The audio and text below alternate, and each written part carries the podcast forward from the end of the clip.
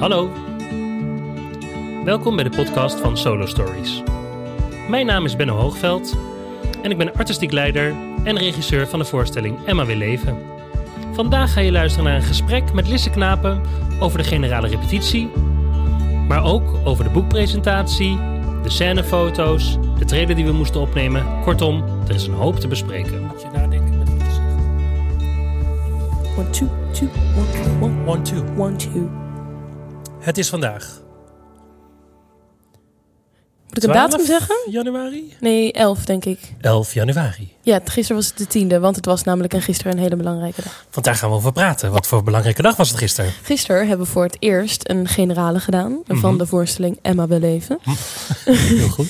Voor eh, de vrienden en de familie en doktoren en een beetje pers en de omgeving van Emma.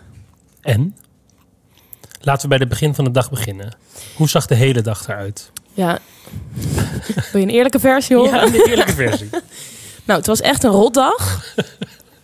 Want we begonnen al met dat... ehm, we moesten eerst een paar van de heftigste scènes doen voor de foto. En daarna nog een keer voor de trailer.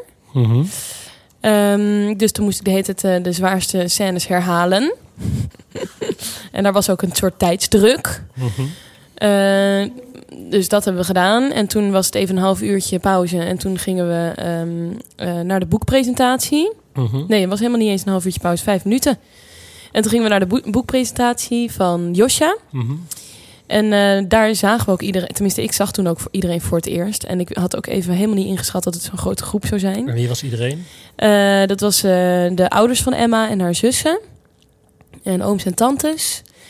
En ehm, mensen van eh, Human Concern, eh, van het bedrijf ook in Portugal, uit de Mhm. documentaire. En eh Annemarie, die ook in de podcast zit, was er. En wie nog meer?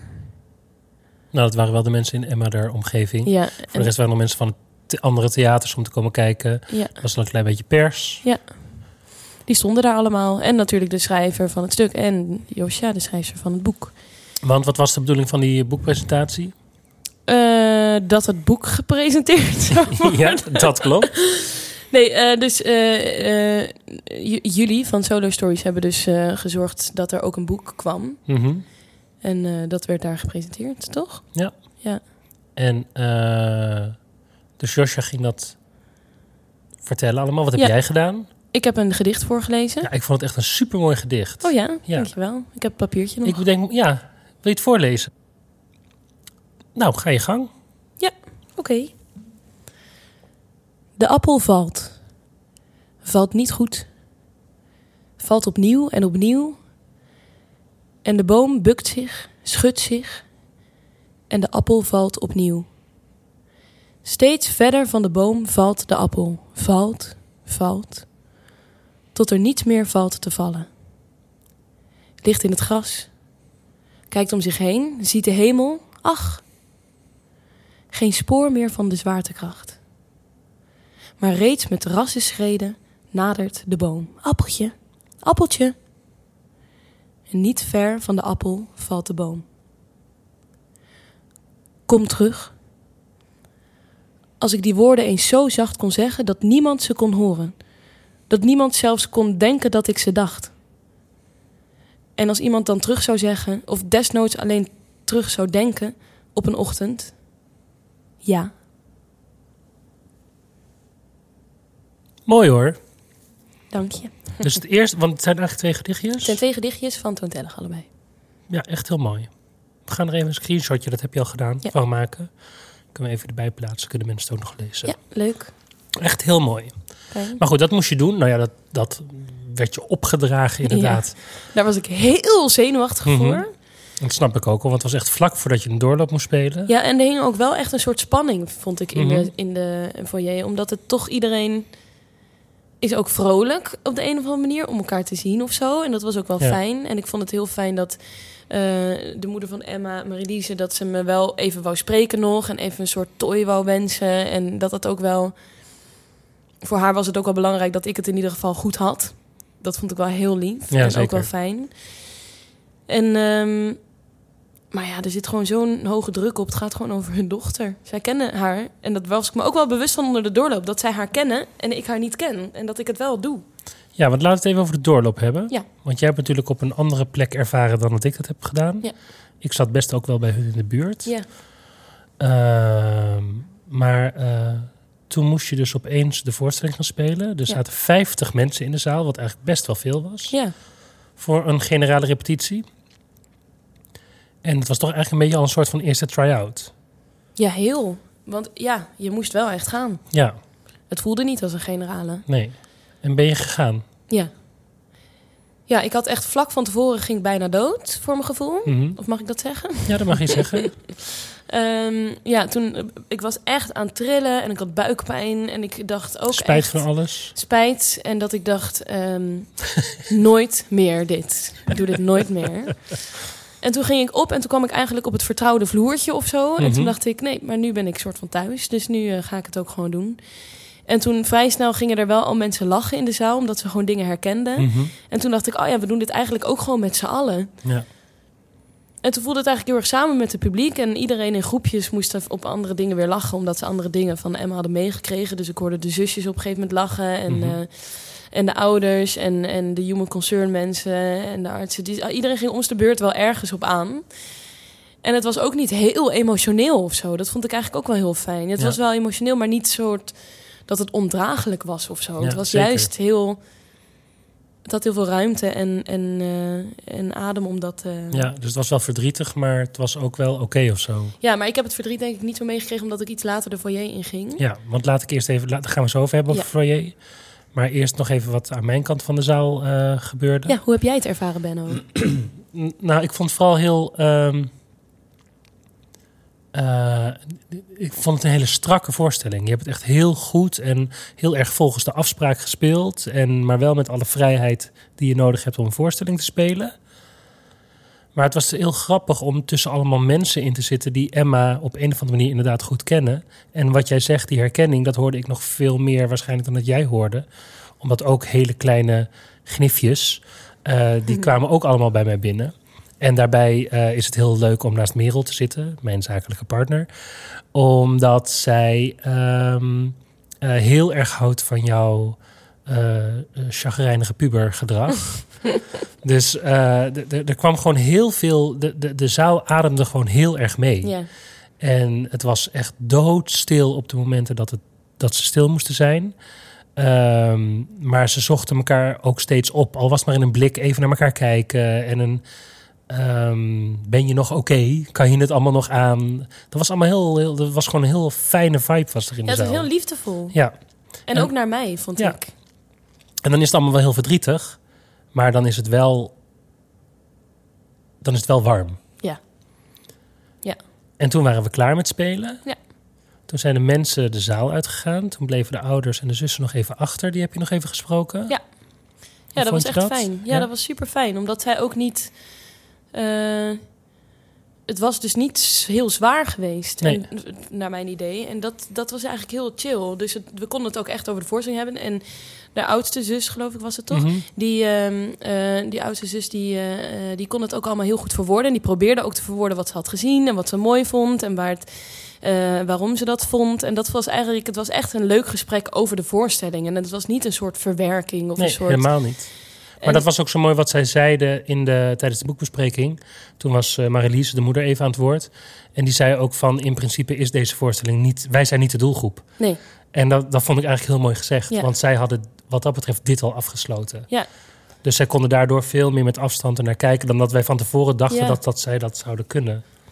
Ja, en volgens mij hebben ze het hartstikke goed ervaren. En ze zeiden ook meteen, ook, ik vond het ook echt grappig en luchtig en fijn. En, eh, dus dat was supergoed. Dus dat voelde ook wel van, oké, nu en nu Nederland in. Precies, maar toen moest je eerst nog de foyer in. Ja. En hoe was het daar? Ja, ehm, iedereen was echt heel enthousiast. Toen was ik eigenlijk een beetje verbaasd over. Ik dacht dat ik echt van een paar mensen wel een soort... Ja, dit ging anders. Of, eh, maar helemaal niks. Gewoon iedereen was laaiend enthousiast. En heel lief ook. Ja, En ook een, er zat ook wel een soort dankbaarheid in, maar niet een soort van, oh, ook niet zwaar. Gewoon meer van, oh, te gek dat jullie het zo hebben neergezet Ja. en het klopt ook. ja. ik heb wel veel tranen gezien. Ik was natuurlijk iets Ja, eerder dan dat jij er was. Nee. nee. En, maar ook wel positieve tranen op een of andere manier. Hoor. Ja. Dat mensen allemaal wel zeiden, oh, ik ben heel verdrietig van. Maar ik herken ook heel veel in mezelf. Eh, niet zozeer in eetproblemen, maar wel in zelfkritiek of Ja. in iets controle willen. eh, maar ook gewoon verdrietig zijn over de voorstelling en de heftigheid van het thema. Maar ook uiteindelijk ging iedereen wel met kracht naar buiten. Dat was echt te gek. Ja, ik werd ontzettend gekust en geknuffeld ook. En op een hele stevige, lange Ja, handdruk. ja precies. Dat vond ik ook wel echt leuk. Ja, Dus iedereen was op een of andere manier blij. Ja, Ja. ja, het had echt een hele lichte, Ja. fijne sfeer. En Ja. iedereen was heel, ook echt aan het praten erover. En dat vond ik heel leuk, want het was niet een alleen, hey, goed gedaan. Maar het was echt een, dat iemand ook even die iets over wou vertellen, over wat hij vond. Of, Ja. eh, of, of, of zijn verhaal eventjes doen. Maar ook niet, dus allemaal niet op een zware manier, maar gewoon een leuk gesprek. En denk je dat dat een verschil is met vanaf vandaag? Waar zijn we vandaag? We zijn vandaag in Nijmegen. Mhm. En ehm, daar gaan we spelen voor. Ik vergeet het. Is nou, zijn het nou geneeskundestudenten? Volgens mij zijn het. eh, we, dat, volgens mij gaan we vandaag spelen voor eh, masterstudenten psychologie. Oké. Ik denk dat dat het is. Dat zal ik zo nog even uitzoeken. Ja, er zit ook een hele grote geneeskunde ja, dat is natuurlijk ook wel. hier, toch? Dus Ja, misschien ja. een... ja. Ja. Dus Zoiets in ieder geval. Ja, oké. maar waar ik even naartoe wilde, was dat dat natuurlijk anders is dan gisteren. Ja. Omdat gisteren had iedereen op een of andere manier verbinding met Emma. Ja. En dus er zat ook nog een gunfactor en een herkenningscomponent. Ja. En dat gaat vanaf vandaag minder dan wel niet zijn. Dus het gaat een hele nieuwe vibe spelen. Ja. Daar heb ik wel heel veel zin in. Ik, Ik ben ook heel benieuwd hoe Ja. dat... Ik ook. Maar ik denk eigenlijk dat... eh, dat eh, dat eh, verbinden en, en herkennen en dat, dat ik... Ja, ik denk eigenlijk dat dat ook nu gaat gebeuren. Dat Ja. hoop ik. Nee, dat- Precies. dus Dat- ik weet niet ja. of... Maar dat hoop ik echt. Exact, want dan zouden we wel geslaagd zijn. Ja, dat ze zich kunnen verbinden met mij via Emma. Exact. Nee, en, nee met het, via met, mij met via met het thema. Met het thema. Ja. En dat dus Emma in die zin alleen maar een middel is om het thema en de problematiek van controle, zelfkritiek en eetstoornis eigenlijk op een soort van tweede vlak. Ja. eh, om, om daarmee aan de slag te gaan via Ja. jou. Ja. Spannend. Ja, ik vind het ook spannend, maar vooral heel leuk. Ik ben gewoon heel nieuwsgierig. Dus dat is eigenlijk wat er nu vooral... Ik ben nu ook niet nerveus of zo. Wat, zei, wat was het eerste dat je zei toen ik je vanmorgen zag? Zin in? Ja. Ja, zin in. Ja, ik heb er ook zoveel echt... zin in. Ja, echt. Ja. Ja. had ik gisteravond dacht ik ook... Oh, ik kan niet wachten tot morgen. Ja, lekker spelen. Ja, en ook eh, voor verschillend publiek juist spelen. Ja. Dus kijken hoe reageren mensen, wat, voor, wat komt er allemaal... Wie komen er kijken? Hè? Ja. Zijn het echt alleen maar mensen die verbinding hebben met de ziekte? Of zijn het ook mensen die gewoon nieuwsgierig zijn? Of de Ja, documentaire ik hebben hoop ook wel gewoon dat er echt theatermensen Dat komen. ik Want het is echt. los van het thema. Het is niet alleen maar een thema, thematische Helemaal voorstelling. Het is ook gewoon een voorstelling. Ja, en Net het zoals is dat Hamlet ook een voorstelling Ik vind is. het heel mooi vormgegeven ook. En Ik dat ook. is ook wel echt heel leuk Ja. om te zien. Want dat hebben we de afgelopen dagen gedaan. We hebben gemonteerd. Ja. En wat houdt monteren precies in? Nou, dat betekent dat je eigenlijk uit je repetitieruimte komt. Dus uit Mhm. je kantoorkamertje Ja. ga je in het theater in. En ehm, eh, dan komt licht en geluid eigenlijk allemaal samen. Mhm. En het origineel, echt het, eh, het decor en eh, alles hoe het bedacht is, komt dan een soort van samen. En dat Mhm. wordt dan aan elkaar gemonteerd. En kan je iets over vertellen? Wat, wat we dan allemaal daar doen? Vanaf nu staan er trouwens ook foto's op onze website te zien. Ja, leuk hè? Dus dan kunnen mensen ook gewoon... www.solostories.nl Goed zo. Dankjewel. Eh ja, dat, eh, eh, dus lichtstanden maken. Dus, dan, dus in het begin toen ik... Eerst was ik al niet bij de eerste dag. Dus dan wordt Mhm. het echt alleen maar opgebouwd en besproken. En door ehm, de licht- en decorontwerper en de technicus die meegaat op tour en Benno. En ehm, de regisseur. En dan de dag daarna dat ik erbij kwam, dan gaan we echt alleen maar beginnetjes en eindjes van scène. En in wat voor licht wil je het hebben en waar moet je staan en eh, allemaal dat soort dingen. En waar sta je dan op? Wat, wat, wat is het decor bijvoorbeeld? Eh, ik sta eigenlijk op een wit vlak. Mhm. En dat witte vlak, op dat witte vlak staat een, eh, hoe noem je, een beschrijving in tekeningen hoe je een kraanvogel vouwt. En dat is dezelfde kraanvogel die weer op de poster staat ook. Die op de post staat en die je na de voorstelling kan vouwen. Oh ja, Bij eh Annemiek, die staat dan in de foyer. Ja, want waarom kan je die bij Annemiek vouwen? Eh, die gaat ze dan verzamelen. Mhm. En, eh, want het zit in de voorstelling, de kraanvogel. Mhm. Omdat volgens Emma, die had iets gehoord over Sadako Sasaki. Wie is dat? Die, dat is een, atleet, moet ik dat zo noemen? Ja, ja. Of moet ik gewoon even de tekst helemaal doen? nee, je hoeft niet. nou, zij dacht dat als je duizend kraanvogels moest... Nee, de Japanners die denken dat als je duizend kraanvogels vouwt... dat je dan een wens mag doen en dat die dan uitkomt. Mhm, Dus zij is begonnen met, Emma is begonnen met vouwen. mhm. En eh, eh, zij is niet tot de duizend gekomen... maar wij gaan natuurlijk eh, ver over de duizend deze Zeker, tour. daar gaan we ons best voor doen.